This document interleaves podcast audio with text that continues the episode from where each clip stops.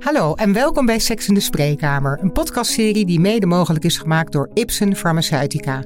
En die bedoeld is voor mannen met prostaatkanker, hun partners en zorgverleners.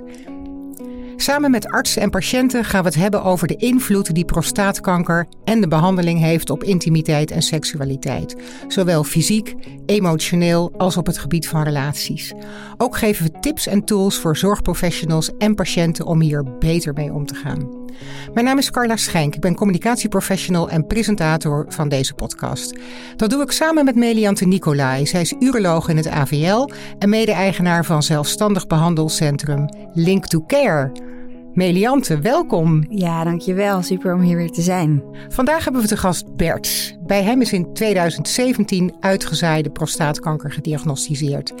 We vinden het geweldig dat hij vandaag zijn ervaringen met ons en met de luisteraars natuurlijk wil delen. Bert, heel fijn dat je bij ons bent. Ja, dankjewel. Ik, uh, ik doe het graag. Ik hoop dat de mensen er wat aan hebben. Mijn seksleven is gewoon piepend en krakend tot stilstand gekomen, roep ik dan alsmaar. Maar ik heb nu dus juist wel erg behoefte aan aangeraakt worden. Als je dus een kunstmatige erectie opwekt, dan zou dat zeker prikkelender moeten zijn dan als er niks gebeurt daar beneden.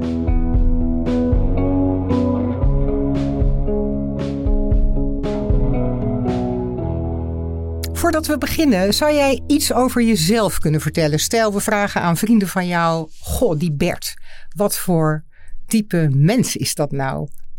Nou, ik denk dat de meesten wel zullen zeggen dat ik een heel open persoon ben. Die er erg van houdt om uh, tussen de mensen te zitten. Dus, uh, sociaal, een sociaal iemand. Een sociaal iemand, ja zeker. En ik, ik, doe ook graag veel dingen voor andere mensen. Dus ik vind het leuk om, om anderen uh, etentjes te geven. Allemaal dat soort dingen. Ja, daar hou ik erg van. Ja. En heb je hobby's? Ja, zeker. Ik wandel graag. Ik sport drie keer in de week. Zo. Uh, dat is, klinkt fanatiek. Lezen en muziek, ook vanwege mijn achtergrond. Ik heb uh, onder andere conservatorium gedaan. Dus daar heb ik een uh, liefde voor klassieke muziek aan overgehouden. Mooi. Heb je ook een relatie? Ja, ik heb een relatie al 48 jaar met dezelfde meneer. Dat is al heel knap ook. Ja, ja zeker in deze tijd, toch? Nou ja, ik weet niet of dat knap is. Hè? Als je niet wegloopt, dan blijf je bij elkaar. ja, dat is ook zo natuurlijk.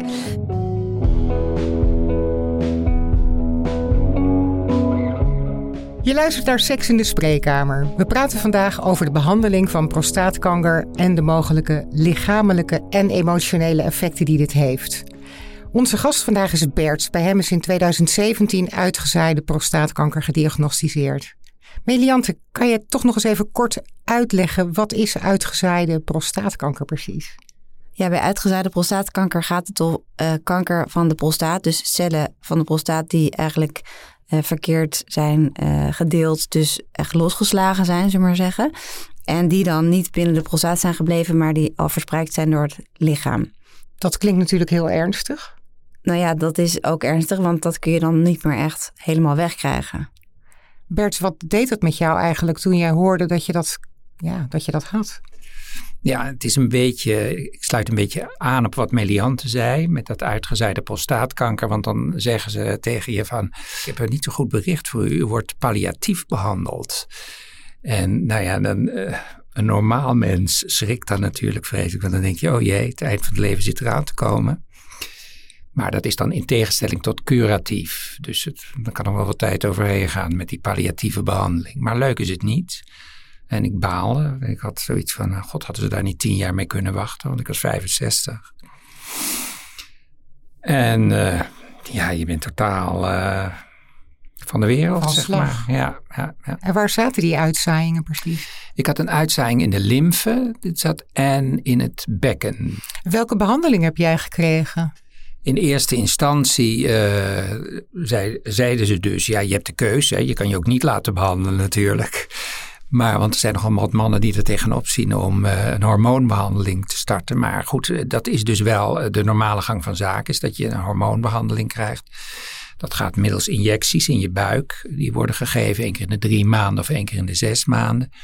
En nieuw was toen vanwege een, een studie dat, die, die was afgelopen, de char, zogenaamde Chartered-studie. En er is er een chemo die normaal in de tweede lijn gegeven werd. Die werd toen gelijk ook al in het begin gegeven. Dus ik ben gelijk begonnen met zeg maar een maand of vier, vijf uh, chemokuren en gelijk uh, hormoonbehandeling. Hoe ben je samen met je arts tot die beslissing gekomen? Ja, er, is weinig, Hoe gaat uh, weinig aan proces? Te, er gaat weinig aan te beslissen. Die, die zegt dat, dat ze dat kunnen doen om het onder controle te houden. Ja, dan heb je de keus. Je, zegt, je kan zeggen, nou, ik wacht nog even of ik wil erover nadenken. En, maar ik had gelijk zoiets van, uh, nou, geef er maar een klap op. Hè? Doe ja. er maar alles aan. Uh, ik wil nog wel een paar jaar mee. Dus dat heb ik gedaan. Ja, de meeste mensen reageren natuurlijk zo van die wil gewoon alles doen om die kanker eruit ja, te krijgen. Ja. En de rest maakt niet meer zoveel uit. En die, zo'n zo'n chemo, hoe werkt dat? Nou ja, chemotherapie kun je natuurlijk bij alle kankervormen geven. Het zijn allemaal verschillende uh, stoffen die op verschillende um, zeg maar celdelingsmechanismen ingrijpen. En bij chemo, bij prostaatkanker, is het eigenlijk... Ja, eigenlijk is het gewoon een gifstof waarbij de snel delende cellen het snelste doodgaan. En dus dat je de grote, zeg maar, uh, lood van de kankercellen daarmee aanpakt die het snelste doodgaan. En de, de gezonde lichaamcellen die kunnen daar wel beter tegen. Dus dat herstelt dan weer. Uh, en daardoor kun je ook vaak langer van de andere therapieën weer soort van uh, genieten. Zeg maar dat je dus langer baat hebt bij de andere therapieën. Zoals die hormoontherapie. Precies. En hoe werkt dat dan precies? Nou ja, kankercellen van de prostaat die groeien eigenlijk op testosteron. Um, de prostaat zelf ook. En dat is um, iets wat bij mannen natuurlijk altijd in bepaalde mate aanwezig is. En als je die testosteron dan blokkeert, dan gaat de kanker, uh, een deel gaat dan dood. Omdat ze dat nodig hebben. En een deel dat gaat in een soort slaapstand.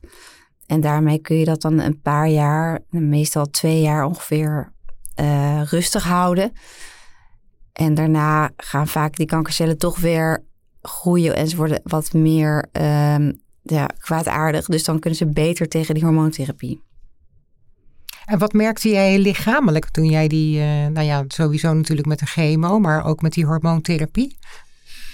Uh, nou, als je, je, je, begon dus gelijk met, met uh, chemo. Dat is een, een taxaan. Dat wordt dus van de taxusplant. En dan merk je dus weinig nog van de hormoontherapie. Want je bent echt, je, ja, daar voel je je niet zo lekker op. Je krijgt een beetje uh, zenuwuitval aan je benen. Een beetje neuropathie. Je krijgt een beetje neuropathie. Je, je, krijgt, je, wordt dik, je wordt kaal. door de, door de prednison. En dus je bent alleen maar bezig met van, nou, daar, daar, moet ik doorheen. Maar dat, op zich gaat het wel hoor, want je kan gewoon lekker eten of uh, allerlei dingen doen. En dat, dat is wel, het is, het is wel prima te doen, want de meeste doktoren zeggen ook, het is, het is goed te verdragen. Het is dus niet zo wat, wat, wat je vroeger dacht, dat als je een chemo had, dat je doodziek in je bed lag. Dat, daar is geen sprake van. Maar je voelt je absoluut niet lekker. En je komt niet toe aan de effecten die de hormoontherapie zeg maar, op je hebben. Dat komt eigenlijk daarna pas. En uh, qua seksualiteit, merkte je daar ook verandering in bij jezelf? Nou ja, daar kom, daar kom je al totaal niet aan toe in het begin. Want als je nou praat over net na de diagnose, dan heb je wel wat anders aan je hoofd dan uh, seks. En uh, mijn ervaring is ook, want die chemo dat werkt ook nog wel behoorlijk na hoor. Dat duurt nog wel een jaartje voor, voordat je daar een beetje echt helemaal normaal van hersteld bent. En dan ga je ook merken wat, wat dat die hormonen met je doen. Eh, want behalve dat je eh, lichamelijk dingen merkt. En ook met seksualiteit dingen merkt. Hè, want je kan geen erectie meer krijgen. Uh, je hebt veel minder, ja, je bent niet opgewonden, zou ik maar zeggen. Minder zin, minder ja. zin in seks. Ja, minder zin in seks, maar het, dat is dus het gekke. Je houdt wel het verlangen naar het zin hebben. Dus je houdt wel een, een, soort verlangen, tenminste ik wel. Uh, ik houd maar een beetje bij mezelf ik, je houdt wel een verlangen naar uh, hoe het was hè, om, om zin in seks te hebben. Dat vind je wel erg fijn. En je ziet nog steeds wel, in mijn geval dan mannen, dat ik denk, god, leuke man, leuke man is dat. Maar ja. Alleen het doet dan niks meer met je fysiek. Nee, nee, seksueel niet. Want als er bijvoorbeeld dingen zijn waar je normaal gesproken opgewonden van als je iets ziet of, of beleeft en zo, dan heb je al gauw dat je na twee minuten denkt, wat zullen we eten vandaag? Ja, dat is echt een bekend verhaal. Dat je gewoon, ja, dat die scherpe randjes er vanaf gaan. Wist je dat van tevoren, dat dat zou gebeuren? Is daar met je over gesproken? Nou, ik weet wel, ik, uh, bij de diagnose werd toen wel het enige wat er op seksueel gebied uh, besproken is dat, dat ze, ze zeiden van, uh, of ze, hij zei, ja, je lustgevoelens zullen wel minder worden. Nou, dat was het dan. En hoe reageerde je daarop? Als dat tegen je wordt gezegd, ik kan me ook voorstellen. Ja, maar in het, begin, in het begin ben je zo bezig met die diagnose. Je denkt, Jezus, Mina, ik heb nog helemaal geen zin om dood te gaan. Ik ben 65, kom op. Dus ik had ook zoiets ik weet nog heel goed, dan stond ik op de gang en dan vertelde ik het mijn buren. En toen zei ik van, nou ja, ja, nou ja, seks, uh, dat is voorbij. Ik zei, ik zei tegen nou ja, ik heb er 50 jaar plezier van gehad. Dus ik denk, nou, laat maar zitten. Want in het begin, dan heb je dat, ja, dat speelt dan helemaal geen rol. Dat gaat, later wordt dat veel vervelender, vind ik zelf. Ja, en de partner heeft waarschijnlijk ook wel een mening daarover. Of heeft er ook een soort van last van. Mijn partner is uh, wat ouder dan ik en die heeft zelf ook prostaatkanker gehad. Die, oh, is, die is geopereerd met succes, moet ik zeggen. Maar dat is ook alweer twaalf jaar geleden of zoiets. Ja, ja, en zijn libido ging toen ook enorm achteruit. Ja, je kunt natuurlijk ook met ouder worden en wat zeg maar bijvoorbeeld te zwaar zijn, ook uh, hormoonverlies krijgen en dus ook een tekort aan testosteron. Ja. Dus dat kan ook meespelen, nou, maar ook gewoon niet te zwaar, maar. door alles wat er is gebeurd. Of dat het toch een trauma is of gewoon ja, een blokkade geeft op dat gebied. Ja, maar hij zit er minder mee. Oké. Ik zit er meer mee. Praten we zo verder over.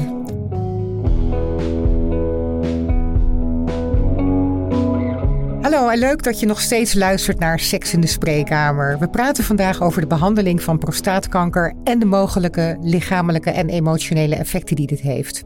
Vandaag is Bert bij ons. Bij hem is in 2017 uitgezaaide prostaatkanker gediagnosticeerd.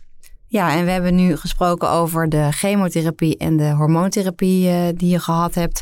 En de effecten daarop, uh, naast het ziek zijn, ook op het uh, op de zin in seks en de lichamelijke functies. Um, en in het tweede blok gaan we praten over de effecten van de behandeling in je dagelijks leven. We hebben het er net al even over gehad. Het doel van jouw behandeling. Kan je dat nog, heb je dat nog paraat? Of zeg je, ja, er was maar één ding. Ik wilde gewoon overleven. En dat was eigenlijk het belangrijkste. Nou ja, dat was het doel.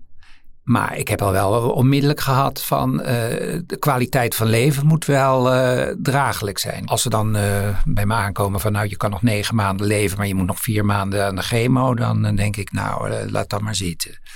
Maar zoals nu is de kwaliteit van leven is prima en al bijna zes jaar. En nou, wat ik hoor op het ziekenhuis zou dat best nog wel wat langer kunnen duren. Dus. Ja, het is hartstikke mooi dat het zo goed gaat inderdaad. Maar ook ik kan me voorstellen dat je dan juist ook alles uit je leven wil halen. Ook op seksueel gebied. Of is dat niet zo? Nou ja, daar, daar ga je dus. Met, zonder libido eh, is dat lastig natuurlijk. Mijn seksleven is gewoon piepend en krakend tot stilstand gekomen, roep ik dan alsmaar. Ja.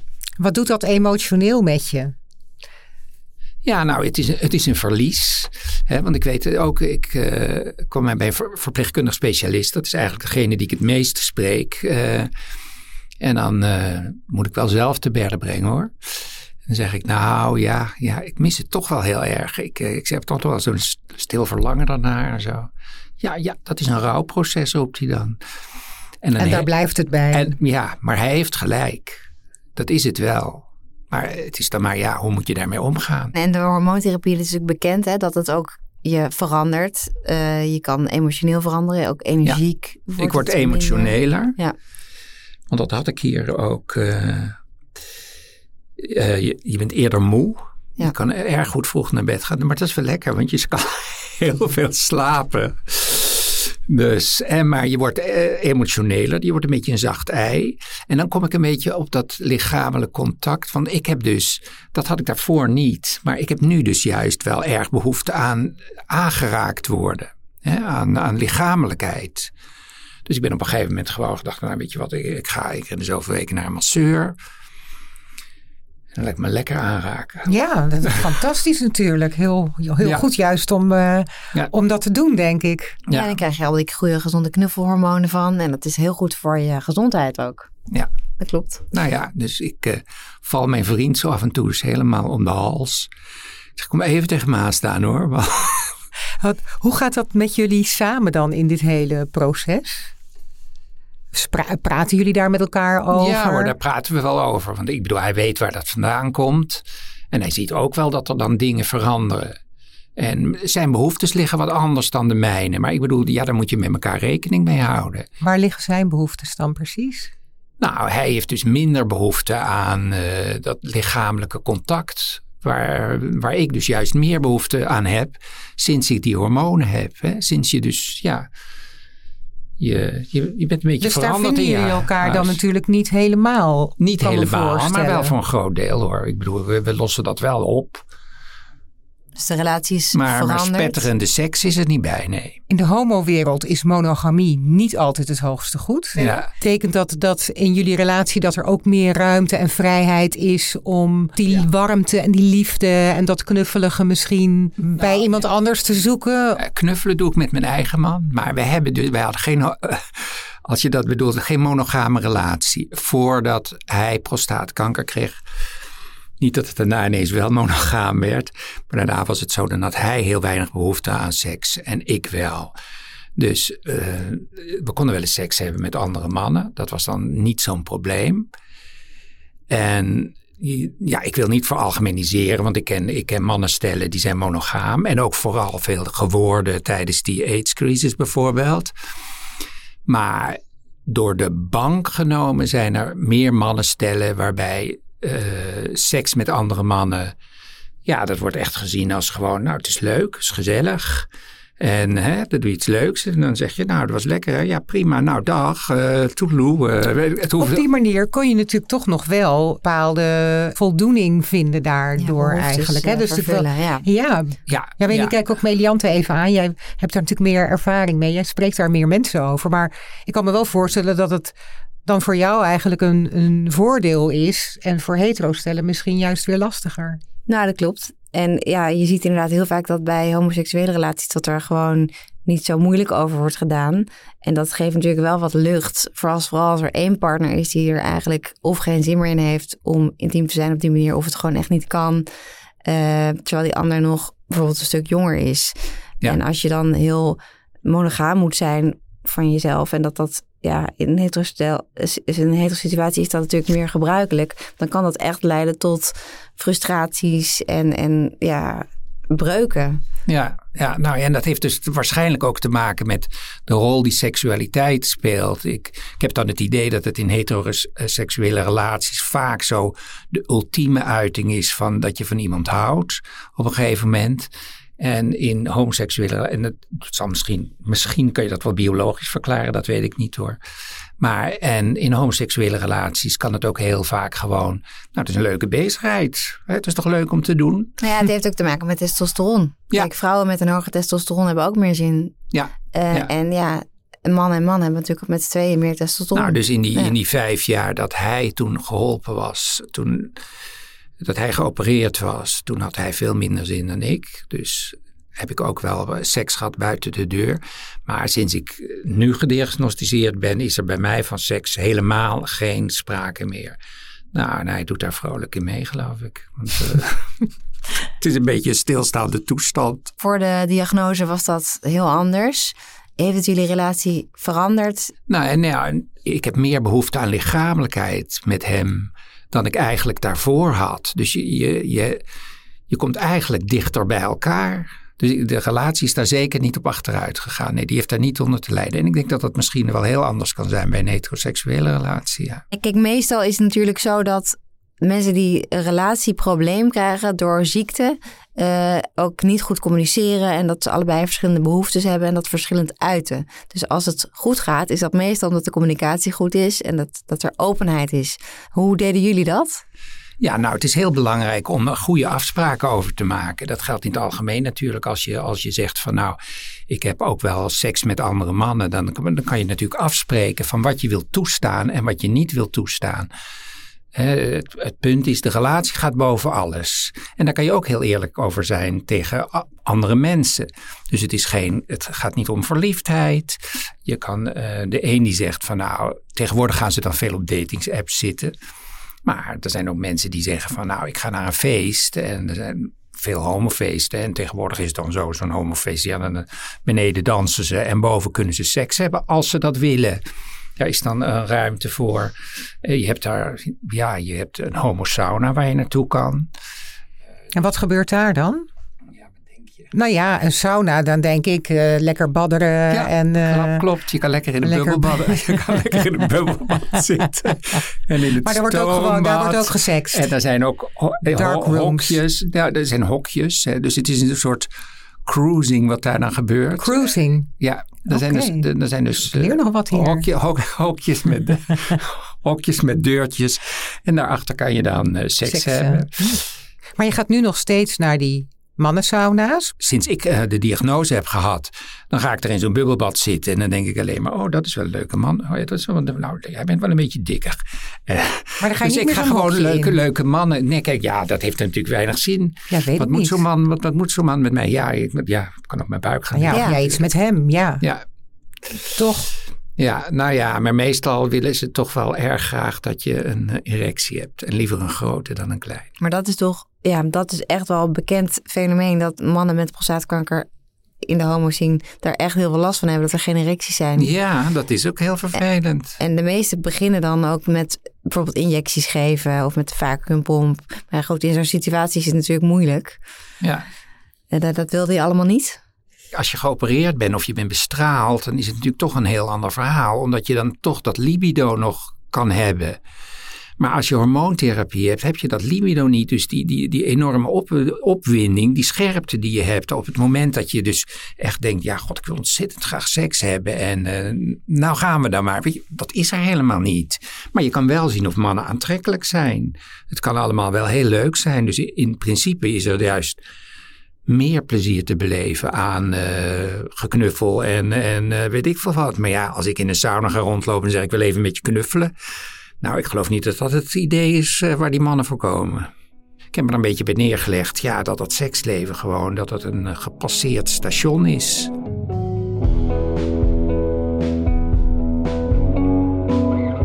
Je luistert naar Seks in de Spreekkamer. We praten vandaag over de behandeling van prostaatkanker en de mogelijke lichamelijke en emotionele effecten die dit heeft. Onze gast is Bert. Bij hem is in 2017 de uitgezaaide prostaatkanker gediagnosticeerd.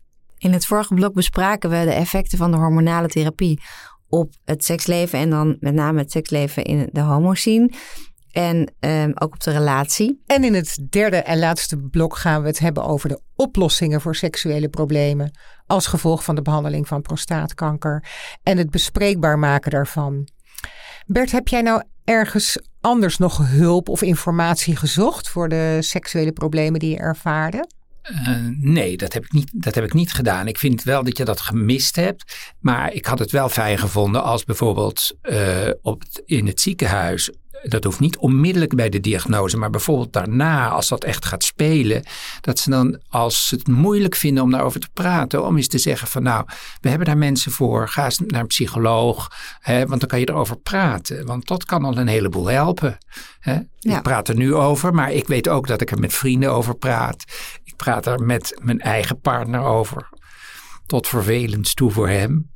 Maar ja, en wat was dan een fijne manier geweest om dat bespreekbaar te maken in het ziekenhuis? Of welke timing was goed geweest bijvoorbeeld? Precies, want na de diagnose heb je wel wat, je wilt overleven. Dus dan heb je helemaal, daar, daar, daar staat je hoofd niet naar. Maar verder heb je dus niet, niet, ben je niet op internet gaan zoeken of je bent niet naar een seksuoloog gegaan? Of... Nee, omdat er weinig, weinig... Uh, Kijk, het is, het, het is, dan een mentaal probleem waar je mee zit. Maar het is niet een. Ook een, een fysiek probleem. Ja, het is, ja, het is, wel een fysiek probleem. Ja, want bijvoorbeeld de penis gaat krimpen. Ja. De testikels gaan krimpen. Is daar wel eens over gesproken? Ja, ik heb met mijn huisarts, dus notabene een vrouw, die heb ik toen wel gezegd. Ik zeg, god, de ene is een doppert en de andere een kapucijner. en toen zei ze even, ik zeg, zullen ze weghalen? Ik zeg, want... Ja, zullen nou, we ze weghalen? Ja, dat, dat kan. jij zelf? Ja, want dat kan. Er zijn ook wel mannen die, die dat gewoon uh, zich laten castreren. Want het is natuurlijk castratie. Het is chemische castratie. Ja, wat dus in plaats van de prikjes haal je dan de ballen weg. Ja, ja dat gebeurt. Meliante, wat voor soort oplossingen zijn er eigenlijk allemaal? Voor Bert, maar ook voor andere mannen natuurlijk die uh, seksuele problemen ervaren? Bij hormoontherapie is dat wel lastig. Want dus inderdaad, dat, dat zin hebben is wel essentieel natuurlijk. Um, maar toch zijn er heel veel mannen die de zin maken. En dan is het natuurlijk fijn als het toch lukt om weer een erectie te hebben. Want de meeste mensen willen gewoon graag terug naar hun oude seksleven. Uh, je kunt het natuurlijk ook omarmen en zonder erectie vrijen. Maar zeker in de homo-wereld is dat denk ik echt wel heel lastig. Pillen werken wat minder, maar de 5 P's zijn dus pillen, praten. Praten is eigenlijk het belangrijkste, zodat het open is. Maar goed, dat geeft je nog geen erectie. Um, dus als je naar zo'n feest zou gaan, dan zou je bijvoorbeeld kunnen denken aan uh, een injectie in de penis geven. Dan kun je zelf de dosis bepalen en daarmee een erectie opwekken. En dan kun je ook. Doe je dat bij jezelf? Dan moet je jezelf injecteren. Ja, en dat kun je dan leren. Daar hebben we speciaal voor. Ja, nou, ik weet het niet. Misschien als je oefent, maar... Ja, het is echt heel makkelijk te leren. De meeste mannen vinden het meevallen. En het is een heel dun naaldje, dus het is ook niet heel erg pijnlijk. Wie, wie leert je dat? Een verpleegkundige specialist of een verpleegkundige of, of bijvoorbeeld een uroloog zoals ik uh, op het spreekuur. En dan kun je dus um, zelf je dosis bepalen. Dus je kunt ook, als je merkt van nou deze dosis geeft me een erectie van een half uur, kun je hem ook zeggen nou ik wil nu een uur. Dus dat is natuurlijk voor zo'n vijf is dat misschien wel een goed idee. Um, maar dat werkt wel alleen als je dat vanaf het begin af aan doet. Want als je dus al vier jaar geen erecties hebt, dan is dat weefsel niet meer in staat om goede erecties te maken, omdat het verlittekend is. Dus dat had wel iets eerder, denk ik, uh, ter sprake moeten worden gebracht. Of, of zelf erachteraan moeten gegaan. Dat is natuurlijk altijd de vraag. Dan heb je nog een P, dat is de pomp dus, de vacuümpomp, waarbij je dus de penislengte kan waarborgen. Het kost wat tijd, maar het werkt echt. Uh, Hoeveel kunt, tijd kost dat? Nou ja, als je dat regelmatig doet, dus het is een schema. Weet je, er zijn studies naar gedaan, maar ongeveer als je elke dag een paar keer een erectie achter elkaar opwekt, dan weten we dat die lengte van die cellichamen goed blijft. En dat die dus ook niet verder gaat krimpen en soms dus zelfs wat langer wordt. En als je dan een, ring om de penis doet, terwijl die is vacuüm gezogen, dan blijft die erectie ook staan. Uh, dan heb je wel een ring om, maar dan dan heb je wel een erectie. Ja. En het is mechanisch, dus dat werkt natuurlijk gewoon. En dan heb je de pipet. De pipet? Ja, dat is eigenlijk een soort ja, zalf die je in de plasbuis in kan spuiten. En dat werkt eigenlijk net zoals die injectie, maar dan lokaal in de plasbuis en je hoeft niet te prikken. Dan kun je ook een goede erectie krijgen, maar niet bij iedereen. Dat werkt wel echt vaak minder goed. Maar het is een optie om te proberen. En dan heb je nog de prothese. Dus dat is echt een brug verder. Dan moet je geopereerd worden. Dan moeten er kunstmatige zwellichamen worden geïmplanteerd. En dan krijg je dus een. Uh, soms uh, kan je ze zelf recht buigen en weer krom buigen. Of je kunt kiezen voor een driedelig systeem met een pompje. Waarmee je water uit de reservoir die in je buikholte zit naar de erectieprothese laat lopen. En dan krijg je dus een kunstmatige erectie. En die is heel stevig. En je kunt ook zelfs je penis ietsje langer laten maken daarmee. En dan um, als je klaar bent, dan laat je het water weer terug naar het reservoir en dan is het weer slappe penis. Bert. ik zit vol afgrijs te luisteren. ja, is... Als je dan, nou, je was ja. 30 geweest, die had dit gehad. Denk je dan, nou, doet u mij maar die prothese? Nee, ja, kijk, de prothese, dat is voor mij nog, uh, dat is echt uh, een brug. Kijk, dan vind ik acceptatie, dat is dan weliswaar geen P, maar dat is toch ook wel een, eh, een, een goede optie. Maar ik vind het wel goed dat mannen weten in het begin al van nou, dat zijn allemaal opties. En dat die te berden worden gebracht. Dat ze zeggen gelijk, hè, zodra je er weer aan toe bent, van goh, probeer dat eens. Stel nou dat je geen zin hebt, maar je gaat dit toch allemaal doen om met je partner te kunnen seksen. Kan het dan niet zo zijn dat je juist daardoor dan toch wel zin krijgt? Ja, nou ja. Dat weet ik niet. Nou ja, het is een bekend fenomeen dat mannen denken: oh, ik heb een erectie, dus ik zou wel zin hebben. Dus als je dus een, een kunstmatige erectie opwekt, dan zou dat zeker prikkelender moeten zijn dan als er niks gebeurt daar beneden. Nou, dat, dat is natuurlijk zeker wel zo. Want het is bijvoorbeeld zo als je, als je zou zeggen. Kijk, ik bedoel, het, het gevoel is er niet helemaal weg. Hè? Als je met je handen uh, in je kruis zit, dan voel je wel wat. Maar zonder testosteron, dat is een lastig verhaal hoor. Ja, toch zijn er mannen wel met hormoontherapie die toch die zin nog heel erg kunnen eh, krijgen. Ja. Misschien is dat meer in het begin van de hormoontherapie of bij kortdurende hormoontherapie, maar het kan wel. We zien van alles. Ja. Wat zou je nou zelf uh, willen meegeven aan alle homomannen die hier naar luisteren als tip? Ik zou adviseren dat als je, als je behandeld bent voor prostaatkanker, dat je gewoon ook in het ziekenhuis te berde brengt over waar je behoefte aan hebt. En uh, of dat nou is aan een monogame relatie, want vaak wordt er ook zoiets, is, is de heteroseksuele relatie zo de norm. Maar je moet er ook gewoon kunnen zeggen van nou, ik leef zus en zo, maar seks is heel belangrijk, want het is toch een, een basale menselijke behoefte. En ik vind met prostaatkanker, die mensen zijn natuurlijk niet, meestal niet zo heel erg jong. Je wordt ook vaak in een ziekenhuis wel een beetje, er wordt zo meewarig gedaan van, ach meneer, wat wil u nou? Hè? U, bent al, u bent al 65 of u bent al 70 of ach, wat maakt het nou allemaal uit? En dat is dus niet zo. Dat, Nee. kan je, dat kan je ook wel in een ziekenhuis laten merken. Dat ook als je, als je 65 bent of 60 of 70, in mijn geval dan 71 dat seks dan gewoon toch een rol speelt. Ja, niet, niet meer eh, drie keer in de week tegen hè, eh, in, in, in allerlei rare figuren. Maar ik bedoel, het speelt wel een rol. Je bent een seksueel wezen. Ja, dus ik, ik hoor eigenlijk een soort stil advies aan zorgverleners ook om daar wat opener over te zijn. Ik, En wat directere vragen naar te stellen. ja, wat voor relatie heb je? Hoe zit jullie seksuele relatie in elkaar? En dan, ja, zo'n uroloog die heeft misschien ook gewoon eh, een vrouw met een totale monogame relatie. Moet er allemaal niet aan denken. eh, en, en, maar ja, zo is dat niet bij iedereen. Nee, dat klopt. En ik denk dat heel veel zorgverleners ook niet realiseren eh, hoeveel impact het heeft op een, een menselijk leven als dat allemaal helemaal op de schop gaat en totaal anders wordt. Ja, want het is, een belang, dit is een, natuurlijk een heel belangrijk deel van je leven geweest. En eh, als er nog wat van te bakken is, zal ik maar zeggen, hè, in eh, normale mensentaal, dan, dan wil je dat natuurlijk nog graag doen. Dan denk je, goh, er is toch, toch nog wel wat van te maken. Nou, laten we dat dan proberen. Zo zou ik het, eh, zo zit ik erin. Hiermee zijn we aan het einde van onze podcast Seks in de Spreekkamer. En vandaag ging het over de behandeling van prostaatkanker en de mogelijke lichamelijke en emotionele effecten die dit heeft. En met name ook op seksueel gebied. Bert, heel erg bedankt dat je je verhaal met ons wilde delen en dat je naar de studio bent gekomen. Ja, heel graag gedaan. Dankjewel Jordan voor de techniek en de montage. Ja, en alle luisteraars bedankt voor het luisteren en tot de volgende keer. Ben je nieuwsgierig geworden? Kijk dan op sicandsex.nl of ipsen-academy.com slash seksualiteit. En natuurlijk op de prostaatkankerstichting.nl. Tot ziens! De informatie die in deze podcast wordt besproken komt mogelijkerwijs niet overeen met uw persoonlijke ervaringen. Voor uw specifieke vragen raden wij u aan contact op te nemen met uw behandelend arts.